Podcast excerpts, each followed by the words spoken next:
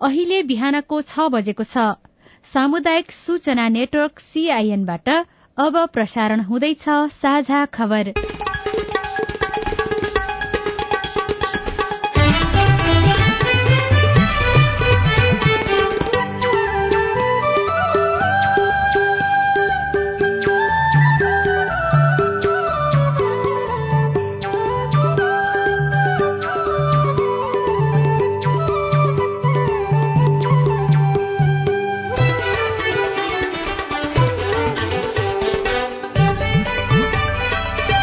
शुभ प्रभात यो सीआईएन को साझा खबर हो। उषा तामाङसँगै लील प्रकाश चन्दको तपाईँलाई स्वागत छ। सामुदायिक रेडियोबाट देशैभरि एकैसाथ प्रसारण भइरहेको साझा खबर सीआईएन खबर डट कम र मोबाइल एप सीआईएनबाट पनि सुन्न सकिन्छ।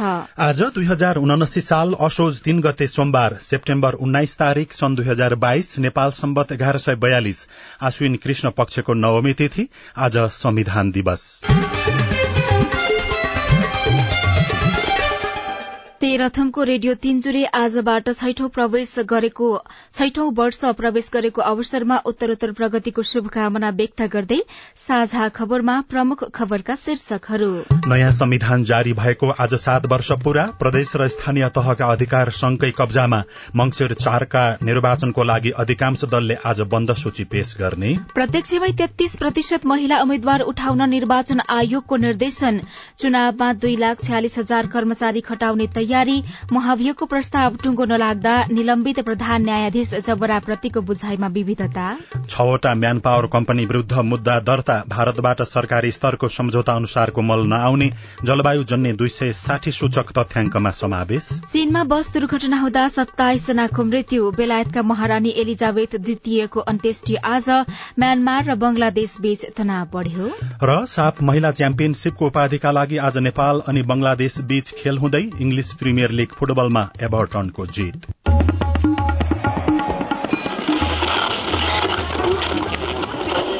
सयौं रेडियो। हजारौं रेडियो कर्मी र करोड़ौं नेपालीको माझमा यो हो सामुदायिक सूचना नेटवर्क सीआईएन साझा खबरको सबैभन्दा शुरूमा संविधान जारी भएको सात वर्ष पूरा भएको प्रसंग संविधान सभाबाट संविधान जारी गर्ने नेपाली जनताको दशकौंदेखिको सपना साकार भएको आज सात वर्ष पूरा भएको छ। तत्कालीन समयमा अनेकौं चुनौतीका बीच संविधान जारी हुनु आफैमा एउटा महत्वपूर्ण उपलब्धि थियो। गणतन्त्र संघीयता मिश्रित निर्वाचन प्रणाली समावेशिता धर्मनिरपेक्षता नेपालको संविधान दुई हजार बहत्तरका मूल विशेषता हुन्। संविधान जारी भएसँगै मुलुक एकात्मक राज्य व्यवस्थाबाट संघात्मक केन्द्रीकृत व्यवस्थाबाट समानुपातिक समावेशी र सहभागितामूलक शासन व्यवस्था तथा हिन्दू राज्यबाट धर्मनिरपेक्षमा रूपान्तरित भएको छ। केन्द्रीकृत र एकात्मक राज्य व्यवस्थाका कारण हिजोका दिनमा भएका सबै प्रकारका विभेद र उत्पीड़नको अन्त्य कानूनी रूपमा यही संविधानले गराएको हो। व्यावहारिक रूपमा हेर्दा भने व्यवस्था परिवर्तन भए पनि राजनैतिक नेतृत्वमा व्याप्त केन्द्रीकृत सोच संविधान कार्यान्वयनको बाधक बनेको छ। हामीले देशका विभिन्न जिल्लाका सर्वसाधारण नागरिकलाई संविधान जारी भएपछि हालसम्म कस्तो परिवर्तन भएको पाउनुभयो भनी सोधेका छौं। नमस्कार म दिपेन्द्र भण्डारी बैतडीबाट। पहिलेको भन्दा धेरै परिवर्तन भयो जस्तो विचारहरू व्यक्त गर्न पाउने अधिकारका कुराहरू छन्। जुनसुकै क्षेत्रमा पनि आफ्नो चाहना छ पढ्न पाउनेदेखि लिएर हरेक कुराहरू व्यवसाय गर्न थुप्रै कुराहरूको सुनिश्चितता गरेको छ यो संविधानले। म ऋषि प्रसाद सुवेदी लालबन्दी वडा नम्बर सात। गणतन्त्र आयो गणतन्त्रात्मक संविधान पनि निर्माण भयो। जनताका जीवन स्तर ठाउँको ठाउँ छन्। अझ दयनीय अवस्था आएकोले यो संविधानले खासै नेपाली जनताहरूको मन जित्न नसकेको अवस्था छ। मेरो धनमाया पौडेल न्यायालयमा गए न्याय छैन हस्पिटलमा गए अब उपचार छैन। संविधानले त अब के दियो भन्ने खोइ? म रणबहादुर रोकाए। सिजा गाउँपालिका वार्ड नम्बर एक मेरो घर। अनिवार्य र निशुल्क वैज्ञानिक स्वास्थ्य शिक्षाको बन्दोबस्त गरिनुपर्छ भन्ने कुरा हामीले राख्यौं र बस्ती बस्तीबाट पनि कलेक्सन भएर गएको। त्यो सुझाव संकलन गरेर त्यत्रो राज्यको ढुकुटी खर्च भयो। तर त्यो जुन जानुपर्ने हो जुन जनताका जुन गरिबका कामदार वर्गका कुराहरू जानुपर्ने हो त्यो चाहिँ भएन। संविधानमा लेखिएन। म ईश्वरी प्रसाद घिमिरे गैँडाकोट पाँच। संविधान आइसके पछाडि वाक स्वतन्त्रताका कुराहरू लगभग सबै कुराहरू राम्रै नै पाइयो। पछिल्लो दिनमा आउँदाखेरि तपाईँको अधिकारहरू स्वतन्त्रहरू भन्दा पनि अझ बढी स्वतन्त्र हुन खोज्ने र अराजक खालका गतिविधिहरू बढेको देखिन्छ समाजमा। नमस्ते मेरो नाम गंगा सिंह दिपाल सिलगढी नगरपालिका। छमा बस्छु। गरिबीहरू दुखीहरूलाई जहिले दुःखै छ विदेशी रोजगारमा गएका छन् कोही उतै शोषण भएको छन् कोही यता लेबरी गर्ने ठेकादारहरूबाट शोषण भएको छन् त्यही त हो नि। गाउँपालिका भनेका छन् नगरपालिका भनेका छन् पाँच वर्षमा देश गाउँ सब शोषणेर सिद्धिसकेका छन् नेताहरूले। मेरो नाम कुमार नेउपाने बनेपा नगरपालिका वार्ड नम्बर तिनबाट हो। चेन्ज त भएकै छ होइन? पाउनु पर्ने अब पहिला जस्तो जस्तो बोल्नै पाइँदैन थियो होला। स्थानीय सरकार आएको छ नगर बनेको छ होइन? त्यसले सुविधा त अलिअलि त भएकै छ। तर मूल्य वृद्धिमा चाहिँ एकदम आकाशित भएको छ क्या। संविधानविद डाक्टर विपिन अधिकारी भने नेपालको संविधान जनतामाझ स्थापित हुँदै गएको बताउनुहुन्छ। संविधान कार्यान्वयनका क्रममा मौलिक हक अधिकार नेपालको राज्य प्रणालीमा संवैधानिक अंगको भूमिकाका विषयमा थप काम गर्नुपर्ने डाक्टर अधिकारीले सीआईएनसँग बताउनुभयो। सात वर्षको अवधिमा संविधान नेपाली जनतामाझ स्थापित हुँदैछ जुन यसका बारेमा सैद्धान्तिक विमतिहरू थिए ती विमतिहरू बिस्तारै पन्छिँदैछन् र जसको चाहिँ संविधानका बारेमा सुधारका उद्देश्यहरू छन् उनीहरूले पनि यो प्रणालीलाई प्रयोग गरेर सुधारमा जाने निश्चय गरेका हुनाले संविधान र संवैधानिक शासन पद्धतिका लागि पोजिटिभ इन्भाइरोमेन्ट छ। तर अब यो संविधानको कार्यान्वयनका बारेमा संघीयता त्यस्तै मौलिक अधिकारका विषयहरू र नेपालको राज्य प्रणालीमा खास गरी संवैधानिक अङ्गहरूको भूमिकाका विषयहरूमा धेरै बलियोसँग काम गर्नुपर्ने अवस्था छ। कमजोरीहरू जहाँ जहाँ छन् नि संविधानमा देखिएका त्यसलाई कसरी सुधार्न सकिन्छ होला? संविधानमा अलिकति सुधारवादी स्वतन्त्र मिजाज भएको बलियो पार्टीहरूलाई चाहिँ शासनमा स्थापित गर्नु पर्यो। अनि उनीहरूले चाहिँ यो जुन सुधारको एजेन्डालाई अगाडि लैजानु पर्यो। अहिले त सुधारको कुरो मात्र हुन्छ तर सुधारका लागि चाहिने म्यान्डेट कुनै पार्टीले पाएको छैन। दुई तिहाई बहुमत चाहिन्छ त्यो चाहिँ साधारण बहुमत होइन। त त्यसका लागि त राम्रो पार्टी राम्रो उम्मेद्वार र राम्रो दृष्टिकोण हाबी हुन सक्नु पर्यो। संविधान जारी भएको सात वर्ष बित्दा पनि समानुपातिक समावेशी सिद्धान्त सम्बन्धी कानून बन्न सकेको छैन जसका कारण पिछड़िएको क्षेत्रका नागरिक अधिकारबाट वञ्चित हुँदै आएका छन्। संविधानले तीन तहकै सरकारको अधिकार स्पष्ट बाँडफाँड गरे पनि प्रदेश र स्थानीय तहका कैयौं अधिकार संघकै सात वर्षसम्मै कब्जामा छन्। केन्द्र शासित अभ्यास भत्काउने संविधानको मूल मर्म भए पनि अझै संघीय लोकतान्त्रिक गणतन्त्र व्यवहारमा पूर्णतः कार्यान्वयनमा आएको छैन।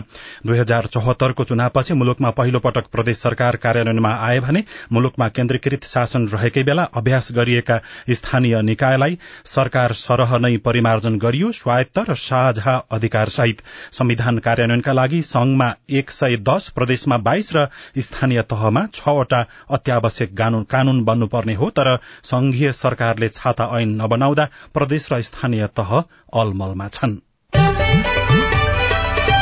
प्रमुख राजनीतिक दलले आसन्न आम निर्वाचनका लागि समानुपातिक तर्फका उम्मेद्वारको बन्द सूची आज बुझाउने भएका छन्। निर्वाचन आयोगले हिजो र आज बन्द सूची पेश गर्ने निर्वाचन आयोगको कार्यतालिका भए पनि नामटुङ्गो लगाउन ढिला भएकाले प्रमुख दलहरूले अन्तिम घड़ीमा मात्र नामावली बुझाउने भएका हुन्। संसदको पहिलो दिन एमाले प्रतिनिधि सभा र प्रदेशसभाका लागि समानुपातिक उम्मेद्वारको प्रारम्भिक सूची टुंग्याएको छ। हिजो बसेको एमाले सचिवालय बैठकले उम्मेद्वारको सूची तयार पारेको र थप गृह कार्यपछि आज आयोगमा बुझाइने एमाले उपमहासचिव एवं प्रचार विभाग प्रमुख पृथ्वी सुब्बा गुरूङले जानकारी दिनुभयो। गुरूङका अनुसार प्रदेश एकका लागि आदिवासी जनजातितर्फ सत्र खस आर्यतर्फ दश थारू दुई दलित चार मधेसी तीन र मुस्लिम एक गरी सड़तीस जनाको सूची तयार गरिएको छ। सड़तीस मध्ये महिला बीस र पुरूष सत्र जना छन्। मध्य प्रदेशमा तेइस महिला सहित त्रिचालिस जनाको नामावली तयार पारिएको छ जसमा मधेसीतर्फ चौविस दलित सात आदिवासी जनजाति तीन खस आर्य दुई थारू दुई दलित सात र मुस्लिम पाँचजना छन्। नेपाली कांग्रेसमा भने भागवण्डाको समस्या देखिएको छ। पार्टीका तल्ला तहबाट सिफारिश भएका पाँच हजार भन्दा बढ़ी आकांक्षीबाट समानुपातिक उम्मेद्वार छान्न कांग्रेसलाई सकस परेको हो। माओवादी केन्द्र र एकीकृत समाजवादीले पनि समानुपातिक उम्मेद्वारको सूची तयार गरिसकेका छैनन्। हिजो बसेको माओवादीको पदाधिकारी बैठकले तल्ला तहबाट सिफारिश उम्मेद्वारको नामबाट सर्टलिस्ट तयार गर्न नसकेपछि तीन सदस्यीय कार्यदल बनाएको छ। जनता समाजवादी पार्टी जसपाले प्रतिनिधि सभा र प्रदेश सभा दुवैतर्फका समानुपातिक उम्मेद्वारको चयन गरिसकेको छ।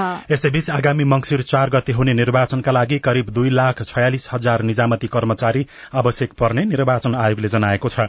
यो संख्या गत वैशाखमा सम्पन्न स्थानीय तहको निर्वाचनभन्दा करिब पचास हजारले बढ़ी हो। सरकारले आगामी मंगिर चार गते हुने प्रतिनिधि सभा तथा प्रदेश सभा निर्वाचनका लागि आवश्यक कर्मचारी पूर्ति गर्न कुनै समस्या नरहेको जनाएको छ।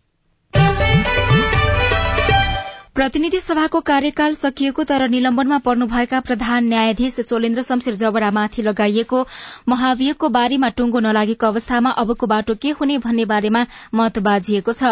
महाभियोग सिफारिश समितिमा नै नेकपा एमाले जबरामाथि महाभियोग लगाउन प्रमाण नपुगेको बताएको थियो। तर अस्ति शनिबार समितिले महाभियोग लगाउनुपर्ने सुझावसहितको प्रतिवेदन सभामुख अग्निप्रसाद सापकोटालाई बुझाएको थियो।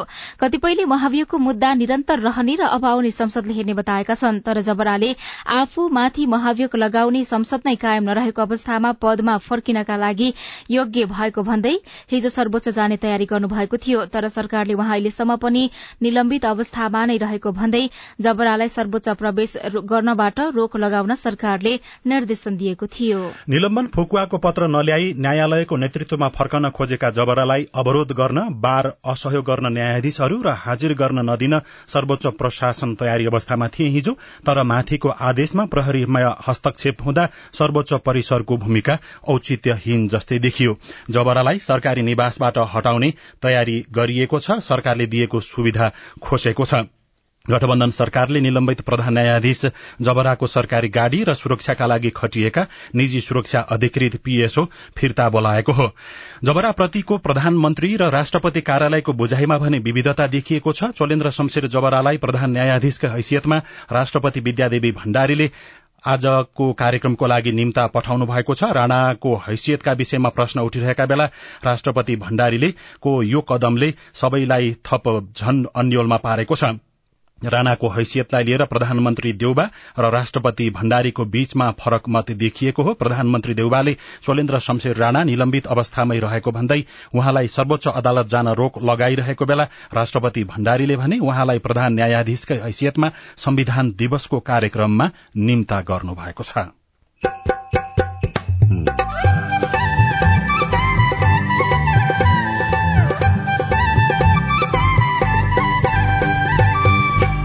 सामुदायिक सूचना नेटवर्क सीआईएन मार्फत देशभरि प्रसारण भइरहेको साझा खबरमा चुनावमा महिलाको उम्मेद्वारी बढ़ाउन दलहरूको भूमिका। महिलालाई नै उम्मेद्वार बनाउनु पर्यो र महिला महिला भित्र प्रतिस्पर्धा गराउनु पर्यो र यसरी गराउँदाखेरि यो चक्रिय प्रणालीबाट गराउनु पर्छ। छवटा म्यान पावर कम्पनी विरूद्ध मुद्दा दर्ता भारतबाट सरकारी स्तरको सम्झौता अनुसारको मल नआउने जलवायु जन्य दुई सय साठी सूचक तथ्याङ्कमा समावेश लगायतका खबर बाँकी नै छन्। सीआईएनको साझा खबर सुन्दै गर्नुहोला। मम्मी खाजा। मम्मी मेरो होमवर्क गर्ने कापी। बुहारी एकदम खुट्टा दुख्यो। बुहारी चिया खान मन लागेको थियो। बुढी कपडा मैलो भएछ। अरे मेरो परिवार। भर्खरै सुनेको संवाद तपाईँलाई कस्तो लाग्यो? यही संवादलाई फेरि एकपटक यसरी सुनौ न है। मम्मी खाजा आज म बनाउँछु। मिठो बनाउँछु है। मम्मी मेरो होमवर्क गर्ने कापी मैले खोजिसके। अब म होमवर्क गर्छु। बुहारी एकदम खुट्टा दुख्यो। छोराले तेल ताताएर लगाइदिएपछि अलि आराम भयो। बुहारी चिया खान मन लागेको थियो। सबैको लागि बनाएको छु। आऊ सबैजना खान। बुढी कपडा मैलो भएछ। घर नि कस्तो फोहोर। कपडा धोएर भ्याए। अब घर सफा गर्छु। कोरोनाको महामारीबाट बस्न पनि त सरसफाई जरुरी छ नि। आहा मेरो परिवार। तपाईँलाई दोस्रो संवाद कस्तो लाग्यो? पक्कै राम्रो लाग्यो। हो तपाईँ हामी बीच जिम्मेवारी बोध भयो भने एक अर्का बीचको निकटतालाई अझ राम्रो बनाउन सकिन्छ। बाढी चोडी जिम्मेवारी परिवारमा समझदारी। महिला बालबालिका तथा ज्येष्ठ नागरिक मन्त्रालय युएन वुमन ल्याक र अकुराबको सहकार्य।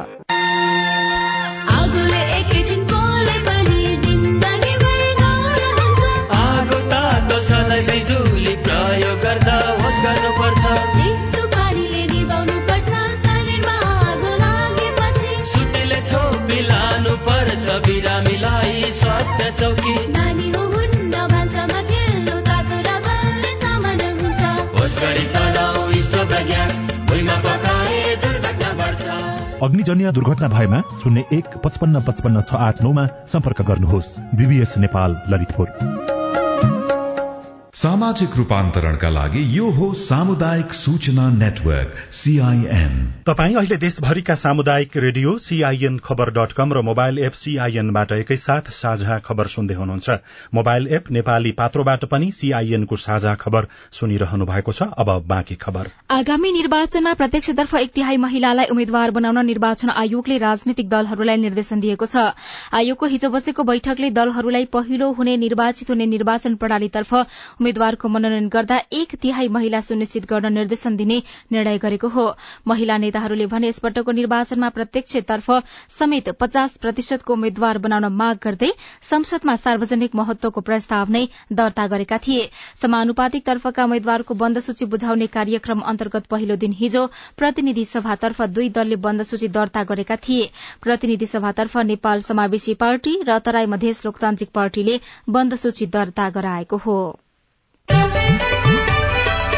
निजगढ अन्तर्राष्ट्रिय विमानस्थलको विकल्प अरू कुनै नरहेको निष्कर्ष सहित सरकारद्वारा गठित विज्ञ समूहले विमानस्थल सम्बन्धी अध्ययन प्रतिवेदन बुझाएको छ। संस्कृति पर्यटन तथा नागरिक उड्डयन मन्त्री जीवनराम श्रेष्ठको उपस्थितिमा विज्ञ समूहका संयोजक वीरेन्द्र बहादुर देउजाले प्रधानमन्त्री शेरबहादुर देउबालाई प्रतिवेदन हस्तान्तरण गर्नुभयो। विज्ञ समूहले विमानस्थल निर्माण गर्ने क्षेत्रमा बाघ हात्ती जस्ता वन्यजन्तुहरू नरहेको पुष्टि समेत गरेको छ। प्रतिवेदन अनुसार पूर्ण क्षमताको अन्तर्राष्ट्रिय विमानस्थलका लागि उपयुक्त स्थान काठमाडौँ तराई द्रुत मार्ग फास्ट ट्र्याक र पूर्व पश्चिम राजमार्गसँगै जोडिएको पसाहा नदी र बकैया नदी बीचको करिब नौ हजार हेक्टर क्षेत्रफलभित्रको करिब चार हजार हेक्टर क्षेत्र उपयुक्त रहेको समेत निष्कर्ष निकालेको छ। अब आज काठमाण्डुबाट प्रकाशित पत्र पत्रिकाका खबर। गोर्खापत्र दैनिकमा नआउने भयो जीटुजी सम्झौताको मल शीर्षकमा खबर छापिएको छ। सरकारले भारतसँग गरेको जीटुजी सरकार सरकार सम्झौता बमोजिमको मल नआउने भएको छ। मलको मूल्यमा कुरा नमिलेका कारण भारतबाट तत्काल मल नल्याउने भएको हो। कृषि तथा पशुपन्छी विकास मन्त्री मृगेन्द्र कुमार सिंह यादवले हामीले भन्नुभयो हामीले खुला टेण्डरबाट खरिद गर्ने भन्दा भारतबाट जीटोजी माध्यमको मल लिँदा महँगो भएका कारण तत्काल त्यहाँबाट मल नल्याउने भयौं। ग्लोबल टेण्डर भन्दा भारतबाट आउने जीटोजी सम्झौता बमोजिमको मल प्रति मेट्रिक टन एक सयदेखि डेढ़ सय अमेरिकी डलरसम्म महँगो पर्ने भएको उहाँको भनाइ छ। कृषि सामग्री कम्पनी लिमिटेडका सूचना अधिकारी पुण्य प्रसाद उपाध्यायले पनि भारतबाट खरिद गर्ने जीटोजी सम्झौताको मल नल्याउने भएको बताउनुभयो। यस्तै गोर्खापत्र दैनिकमै अर्को खबर छ। छ कम्पनी विरूद्ध मुद्दा। सीता शर्माले यो खबर लेख्नु भएको हो। वैदेशिक रोजगार विभागले पछिल्लो तीन महिनामा छवटा वैदेशिक रोजगार व्यवसायी म्यान पावर कम्पनी विरूद्ध मुद्दा दायर गरेको छ। विभागले वैदेशिक रोजगार ऐन दुई हजार चौसठीको दफा चौवालिसको अधिकार प्रयोग गर्दै ठगी आरोपमा असारमा तीनवटा साउनमा दुईवटा र भदौमा एउटा गरी छवटा म्यान पावर कम्पनी विरूद्ध वैदेशिक रोजगार न्यायाधिकरणमा मुद्दा दायर गरिएको हो। यी छवटा म्यान पावर कम्पनीका अठार जना संचालक विरूद्ध मुद्दा दर्ता गरिएको छ। कान्तिपुर दैनिकमा समानुपातिकको नाम फेर्न नपाइने शीर्षकमा मकर श्रेष्ठ लेख्नुहुन्छ। बैसठी दिनपछि हुने प्रतिनिधि सभा र प्रदेश सभाको निर्वाचन कार्यक्रम शुरू भइसकेको छ। मंगिर चारमा हुने निर्वाचनका लागि समानुपातिक उम्मेद्वारको बन्द सूची हिजो र आजसम्ममा बुझाइसक्नुपर्ने कार्यतालिका तय गरिएको छ। चार दलले उम्मेद्वारको नाम बुझाएका छन् भने प्रमुख दलहरू आज बुझाउने तयारीमा छन्। निर्वाचन आयोगमा दिनभर जसो दलका प्रतिनिधिहरू हिजो बन्द सूची बुझाउन आवश्यक कागजात प्रक्रिया र नाम परिवर्तन गर्न पाइने नपाइने बारे जानकारी लिइरहेका देखिन्थे। अन्नपूर्ण पोस्टको भित्री पन्नामा जलवायु जन्य दुई सय साठी सूचक तथ्याङ्कमा शीर्षकमा नितु घले लेख्नुहुन्छ जलवायु परिवर्तनको क्षेत्रमा तथ्याङ्कीय अभाव खड्किएका बेला केन्द्रीय तथ्याङ्क विभागले दुईवटा प्रतिवेदन सार्वजनिक गरेको छ। विभागले जलवायु जन्य दुई सय साठीवटा सूचकबारे लेखिएको प्रतिवेदन सार्वजनिक गरेको हो। साझा खबरमा अब प्रश्नोत्तर श्रृंखला प्रस्तुत गर्दै हुनुहुन्छ अविनाश आचार्य। विजय कुमार चौधरी सुर्खेत जिल्ला चौकुने गाउँपालिका वार्ड नम्बर वडा सचिव हो संघीय मामिलाले दुई हजार उनासी साल भदौ महिनाको बिस गते यो स्थानीय कर्मचारीहरूको सरुवा गर्यो। तलब चाहिँ खाएर जानुपर्ने आचार संहिता लागू भइसकेपछि अब प्रमुख प्रशासकीयज्यूले भन्नुहुन्छ अब रमाना लिएर जान मिल्दैन। अब यसको के छ व्यवस्था? तपाईँलाई यसबारे स्पष्ट पारिदिन हामीले संघीय मामिला तथा सामान्य प्रशासन मन्त्रालयको पत्र शाखाका प्रमुख रविन्द्र जङ थापालाई भनेका छौं। सर भएपछि रमाना लिएर जान मिल्छ। रमाना लिएर जान भइहाल्यो। तर जमाना पनि बस गएर जाने समय चाहिँ एक्काइस दिन हुन्छ क्या।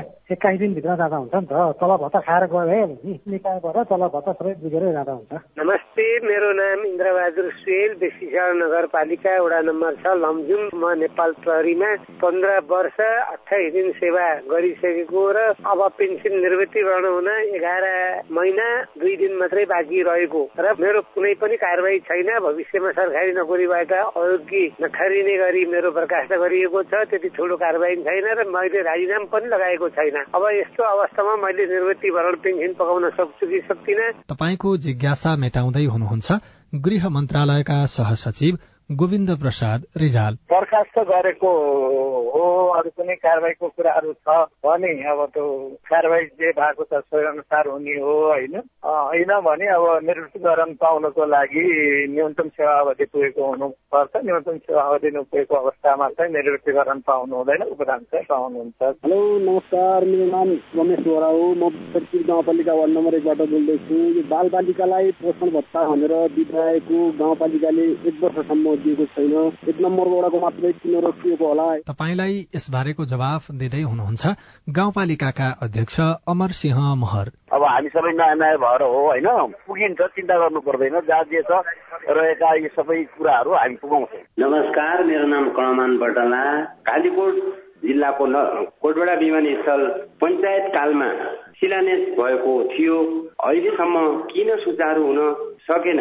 संस्कृति पर्यटन तथा नागरिक उड्डयन मन्त्रालयका नागरिक उड्डयन महाशाखा प्रमुख सहसचिव बुद्धि सागर लामिछाने भन्नुहुन्छ। एयरलाइन्सले अब कहिले तयार हुन्छ अनि एयरलाइन्स त म जान्छु भन्यो भने जान सक्छ होइन। एयरलाइन्सले अब चाहिँ होइन हामी उडान गर्छौँ भन्ने भयो भने अब चाहिँ उनीहरूलाई फेसिलिट गर्ने काम अब मन्त्रालय क्याम्पले गरिहाल्छ। अहिले कस्तो भने साना जहाजहरू कम भयो क्या नेपालमा। यिनले अहिलेकै सेक्टरमा पनि सर्भिस राम्रो दिन सकेका छैन। अब उनीहरूले चाहिँ म जान चाहन्छु भनेर भने भने मन्त्रालय त्यसका लागि सकारात्मक छ। एकदम एकदम सकारात्मक छ र सपोर्ट पनि गर्छ कसरी गर्ने भनेर। नगरपालिका आठबाट टिकाराम थापा दुई हजार सतहत्तर साल सात दस गते बाढी पहिरोको निवेदन ओडामा दिएको थिएँ। तर अहिलेसम्म किन सुनवाई भएन र अझै कति वर्ष लाग्छ यो जानकारी पाउन पाए हुन्थ्यो कि? तपाईँलाई यसबारे जानकारी दिँदै हुनुहुन्छ दुल्लु नगरपालिकाका प्रमुख प्रशासकीय अधिकृत ज्ञानमणि नेपाल। विवरण लिन्छौँ। पालिकाले सक्ने ठाउँमा पालिकाले गर्छ पालिकामा नसक्ने ठाउँमा हामीले साझेदार संस्थाहरूलाई गराउँछौँ। ठुलो बाढी पहिरो गएको छ धेरै परिवारको क्षति हुने छ भनेपछि हामी इमिडिएट त्यसलाई रेस्पोन्स पनि गर्छौँ। खासमा त्यो धेरै ठुलो नभए हुनाले त्यतातिर ध्यान नगराउन सक्छ। तपाईँ जुनसुकै बेला हाम्रो टेलिफोन नम्बर शून्य एक बान्न साठी छ चार छमा फोन गरेर आफ्नो प्रश्न जिज्ञासा गुनासा तथा प्रतिक्रिया रेकर्ड गर्न सक्नुहुन्छ। साझा खबरमा अब विदेशको खबर बेलायती इतिहासमा सबैभन्दा लामो समय शासन गरेकी दिवंगत महारानी एलिजा बेथ द्वितीयको राजकीय सम्मानका साथ आज अन्त्येष्टि गरिँदैछ। अन्त्येष्टिका दिन सोमबार बेलायतमा सार्वजनिक विदा दिइएको छ। ब्रिटिश राजा रानीलाई राजमुकुट पहिराइने र गद्दी आरोहण गराइने ऐतिहासिक गिर्जाघर वेस्ट मिनिस्टर आबीमा रानीको अन्त्येष्टि समारोह हुनेछ। विभिन्न देशका सरकार तथा राष्ट्र प्रमुखहरू बेलायती राजनीतिज्ञ च्यारिटी संस्थाका प्रतिनिधि करिब करिब दुई हजार अन्त्येष्टिमा सहभागी हुनेछन्। चरम गर्मीको लहरले फ्रान्स पोर्चुगल स्पेन इटाली लगायतका युरोपेली देशमा अन्न र खानाको गुणस्तर बिग्रिएको अधिकारीहरूले बताएका छन्।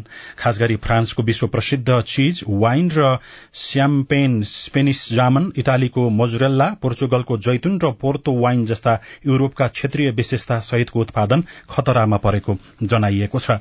चीनको एक कोविड उन्नाइस क्वारेन्टाइन सेन्टर जाँदै गरेको बस दुर्घटना हुँदा सत्ताइस जनाको मृत्यु भएको छ। बसमा सवार अन्य बीस जना घाइते भएका छन्। चीनको दक्षिणी पश्चिमी प्रान्त गुइझोमा हिजो बिहान भएको दुर्घटनाको कारण भने पत्ता लाग्न सकेको छैन र बंगलादेश अनि म्यानमार बीच तनाव उत्पन्न हुन थालेको छ। म्यानमारका सेनाले बंगलादेशको सीमामा आक्रमण गरेपछि तनाव बढ़ेको हो। बंगलादेशको विदेश मन्त्रालयले म्यानमारका राजदूतलाई बोलाएर अतिक्रमणप्रति आपत्ति जनाएको छ।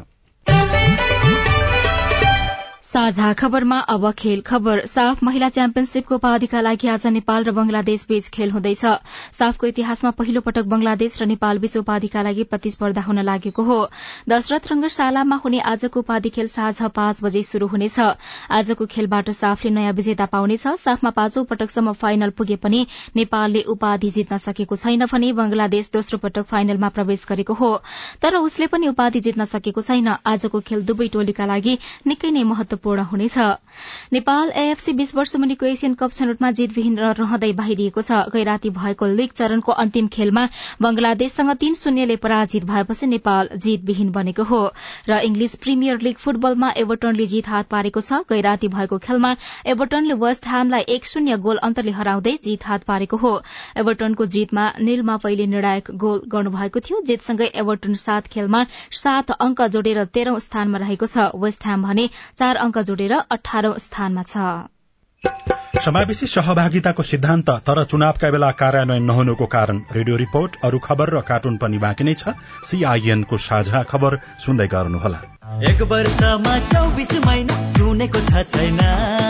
नसुने सुने हालौ नबुझे बुझी हालौ। होमको अफर आछ रिचार्ज गरी हालौ अब एक वर्षको रिचार्ज गरेर दुई वर्षसम्म डिसोम हेर्न पाइन्छ भने भएन त एक वर्षमा चौबिस महिना। अनि रिचार्ज चाहिँ कसरी गर्ने नि? डाइरेक्ट डिलर दाइकोमा गएर फन्ड ट्रान्सफर मार्फत रिचार्ज गरे भइहाल्यो नि।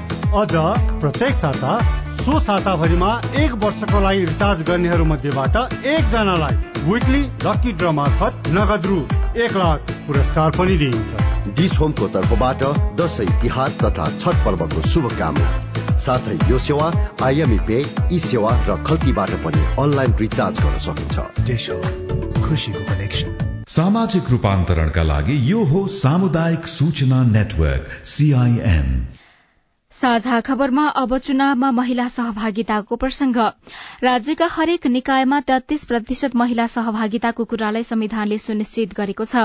तर राजनैतिक दलहरूले नीति बनाउने र नेतृत्व गर्ने तहमा संविधानमा भएको व्यवस्था अनुसार महिला सहभागिता बढ़ाउन सकेका छैनन्। यसपालि पनि प्रत्यक्षतर्फ महिला उम्मेद्वारको संख्या बढ़ाउने गरी दलहरूको तयारी देखिएको छैन। नुवाकोटका लक्ष्मी अरियाल प्रत्यक्ष निर्वाचन मार्फत नेतृत्व तहमा महिला सहभागिता बढ़ाउनु पर्नेमा जोड़ दिनुहुन्छ। तर यसमा राजनैतिक दलको नेतृत्व नै बाधक बनेको उहाँको बुझाइ छ। महिलालाई प्रत्यक्ष रूपमा निर्वाचित गराएर अगाडि लाँदाखेरि चाहिँ अब सक्षम छैनन् भन्ने खालको सोचबाट गाइडेड भएको हिसाबले पनि उहाँहरूले त त्यो गर्न सक्नु भएको छैन होइन? दुई हजार चौहत्तरको प्रतिनिधि सभा निर्वाचनमा अडतिस जना स्वतन्त्र सहित विभिन्न दलबाट एक सय छयालिस महिला उम्मेद्वार थिए। तीमध्ये छ जना मात्रै निर्वाचित भए। सांसद रविन्द्र अधिकारीको निधन भएपछि दुई हजार छयत्तर मंगिरमा भएको उपनिर्वाचनबाट उहाँका श्रीमती विद्या निर्वाचित हुनुभयो। यसले प्रत्यक्षबाट सात जना तथा समानुपातिकबाट चौरासी जना महिलाको पहुँच प्रतिनिधि सभामा भयो। संघीय निर्वाचनमा प्रत्यक्षतर्फ पुरूषलाई उम्मेद्वार बनाइने र समानुपातिकमा महिला रहने प्रवृत्ति स्थापित भएकाले महिला प्रतिनिधित्व कम भएको कतिपयको बुझाइ छ। कल्याणी खड्का रुकुम पश्चिम। तेत्तिस पर्सेन्ट चाहिँ हाम्रो भूगोल नै चाहिन्छ। हामी प्रत्यक्षमा नै उम्मेद्वार हुनुपर्छ। गोमा कटल राउत उदयपुर घर परिवारहरूले महिलाहरूका लागि भन्नेले के गर्छ भन्ने नगर्ने अब खर्च वर्चमा नि कुरा आउँछ चुनावमा उठिसकेपछि त्यता पनि अलिक समस्या होला महिलालाई चाहिँ। संविधानमै समावेशी समानुपातिक व्यवस्था गरेका कारण महिला सांसदहरूको समग्र संख्या बढ़ेको छ तर प्रत्यक्ष निर्वाचित हुने महिला सांसदहरूको संख्या भने घटेको देखिन्छ। दुई हजार अडचालिस सालमै सातजना महिला सांसद निर्वाचित भएका थिए। दुई हजार छप्पन्नमा बढ़ेर बाह्र पुग्यो तर चौरात्तर सालमा आइपुग्दा छमा झर्यो। नेता निरा देवी जैरू। देशभरिमा दसजना महिला निर्वाचित प्रत्यक्ष हुने सिस्टमै रहन्छ त्यसैले एउटा त पार्टीसँग लगिन अर्को कानून नै त्यसरी लानुपर्छ भन्ने पहल पाँच वर्ष अघि नेपाली कांग्रेसले नौ एमाले पाँच र माओवादी केन्द्रले चारजना महिलालाई प्रत्यक्षमा उम्मेद्वार बनाएको थियो। बरु साना पार्टीबाट केही महिला उम्मेद्वार चुनावी प्रतिस्पर्धामा थिए। दलहरूले प्रत्यक्षतर्फ किन महिला उम्मेद्वार बनाउन खोज्दैनन्? एकजना अभियन्ता राधा सापकोटा। महिलाहरू कतिले अवसर पाएकै छैनन् भने कतिले अवसर पाएर पनि आफ्नो तरिकाले चाहिँ काम गर्न नपाइरहेको अवस्था चाहिँ मैले देखिएको छु। दलहरूले जित्ने सम्भावना बलियो भएको क्षेत्रमा पुरूष नै उम्मेद्वार बनाउने गरेको तर नजित्ने क्षेत्रमा महिला अगाडि सार्ने गरेको कतिपय विश्लेषकको बुझाइ छ। महिलाहरूलाई नेतृत्व तहमा पुर्याउन महिला मात्रै नभई पुरूषहरू पनि लाग्नुपर्नेमा जोड़ दिनुहुन्छ एकजना अधिकार कर्मी रिता शाह।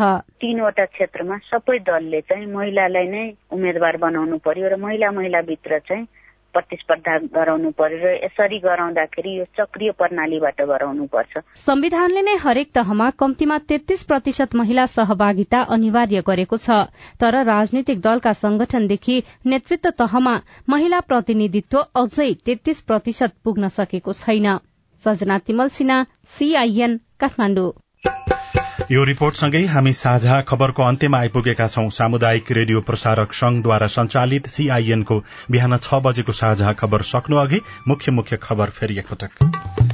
नयाँ संविधान जारी भएको आज सात वर्ष पूरा प्रदेश र स्थानीय तहका अधिकार संघकै कब्जामा मंगिर चारका निर्वाचनका लागि अधिकांश दलले आज बन्द सूची पेश गर्ने। प्रत्यक्षमै तेत्तीस प्रतिशत महिला उम्मेद्वार उठाउन निर्वाचन आयोगको निर्देशन। चुनावमा दुई लाख छयालिस हजार कर्मचारी खटाउने तयारी। महाअभियोगको प्रस्ताव टुङ्गो नलाग्दा निलम्बित प्रधान न्यायाधीश जबराप्रतिको बुझाइमा विविधता। छवटा म्यान पावर कम्पनी विरूद्ध मुद्दा दर्ता। भारतबाट सरकारी स्तरमै सम्झौता अनुसारको मल नआउने जलवायु जन्य दुई सय साठी सूचक तथ्याङ्कमा समावेश। चीनमा बस दुर्घटना हुँदा सत्ताइस जनाको मृत्यु बेलायतका महारानी एलिजाबेथ द्वितीयको अन्त्येष्टि आज म्यानमार र बंगलादेश बीच तनाव बढ़्यो। र साफ महिला च्याम्पियनशीपको उपाधिका लागि आज नेपाल अनि बंगलादेश बीच खेल हुँदै। साझा खबरको अन्त्यमा कार्टुन। कार्टुन हामीले पहिलो पोस्ट डट कमको अनलाइन संस्करणमा रविन्द्रले बनाउनु भएको कार्टुन लिएका छौं। व्यङ्ग्य गर्न खोजिएको छ। मन्त्रीहरूले लाइन नलाग्ने भनेर बेला बेलामा टीका टिप्पणी हुने गरेको छ।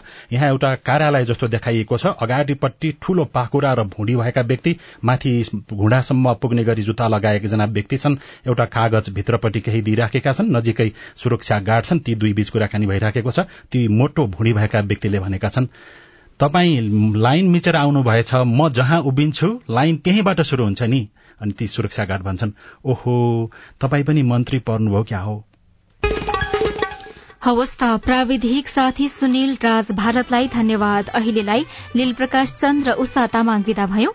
तपाईँको आजको दिन शुभ होस्। नमस्कार। यसपछि देशभरिका सामुदायिक रेडियोबाट कार्यक्रम जीवन रक्षा प्रसारण हुनेछ। सुन्ने प्रयास गर्नुहोला।